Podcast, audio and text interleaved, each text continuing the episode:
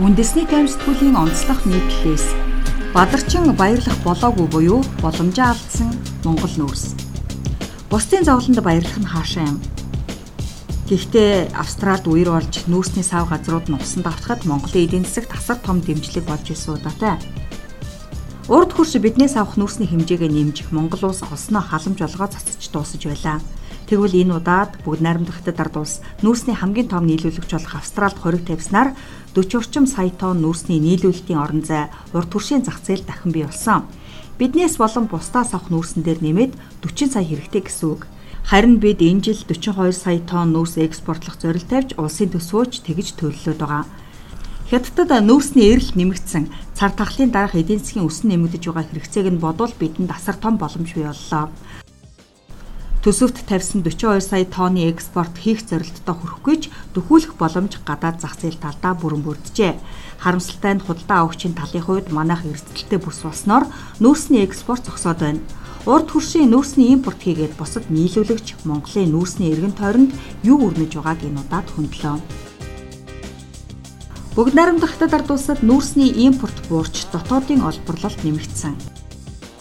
Хятадын гал ерхий газраас 6 дугаар сарын 21-нд мэдээлснээр өнгөрсөн сард тус улсад нүүрсний импорт буурсан бол дотоодын нүүрсний олборлолт нэмэгджээ. Оны эхний 5 сард Хятад 18 сая тонн нүүрс импортлсон байна. Энэ нь өмнөх онтой харьцуулахад 43 хувиар буурсан үзүүлэлт юм. Харин зөвхөн өнгөрсөн сард гэхэд Хятадын коксчих нүүрсний импорт 29 орчим хувиар буурчээ. Шалтгаан нь тус улсын Австрал тавьсан хоригтой зэрэгцэн Монголын нүүрсний экспорт буурсантай холбоотой тухай мэдээлсэн байна. Хятадд импортын дундаж үн өнгөрсөн сард 538 ам доллар байсан. Харин эсрэгээр Хятадд нүүрсний олборлолт өссөн байна. Өөрөөр хэлбэл гаднаас худалдаа авах нүүрс буурсан ч дотоодынх нь өссөн гэсэн үг. Хятадын статистикийн газраас гаргасан мэдээлэлээр эхний 5 сард бүгд найрамдах Хятад улс 1.6 тэрбум тонн нүүрс олборлсон байна. Энэ нь өмнөх оноос 10 орчим хувийн өсөлт юм. Булганаас бусад бомбтын нүүрсний экспорт тогтворгүй байна. Монголд халдварын тохиолдол нэмэгдэх хэрээр нүүрсний экспорт буурч байна гэхэд худал болохгүй. Манай улс эхний 5 сарын байдлаар 10 орчим сая тонн нүүрс экспортлоод байгаа. Цар тахадгүй үед гашуус ухаат бомтоор нүүрс тээврийн мянган машин хил гардаг байсан бол өдгөө 50 хүрэхтэй өгөөтэй байна. Бусад бомтын тухайд ганц мотор 100-аас 1500 орчим шивээ хөрөнгөөр 100 орчим нүүрс тээврийн машин гарч байгаа. Эдгээр бомтын үйл ажиллагаа тогтворгүй байгаа. Зарим өдөр ажиллахгүй тохиолдолж бий. Харин нүүрс баг гардагч булганы бомтын үйл ажиллагаа тогтвортой үргэлжилж байна. Тус бомтоор хөшөөтийн урхаагаас өдөрт 100 гаруй машин нүүрс экспортлж байгаа. Тэнд Монголын талаас нүүрс атсан жолооч хил дээр нүүрстэй чиргүүлээ үлдээгээд цаашаа буцаад ирдэг цаанаас хятад жолооч нар ирж нүүрсийг ачаад явдаг жишг нэвтрүүлжээ. Энэ нь цар тахлын үед эрсдлийг бууруулж байгаа юм.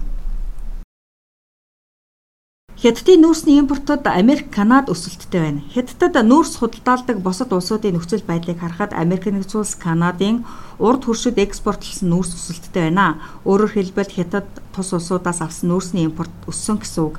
Харин Оросын холбооны улсынх өмнөх сараас буурчээ. Гэхдээ Оросын холбооны улсын нүүрсний экспорт ерөнхий дүнгээрээ өсөлттэй байгаа юм. Өөрөөр хэлбэл 2019 онд Оросын холбооны улсын бүгд найрамдахтай дард улсад экспортлсон нүүрсний хэмжээ оны турш өсөлттэй үргэлжилснээ 11-р сараас буюу оны төгсгөл 2 сараар буурсан.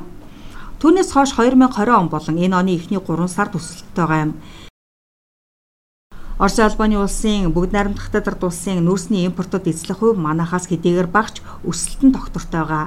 Харин манай экспорт 3 он дараалан буурсан үзүүлэлттэй байна.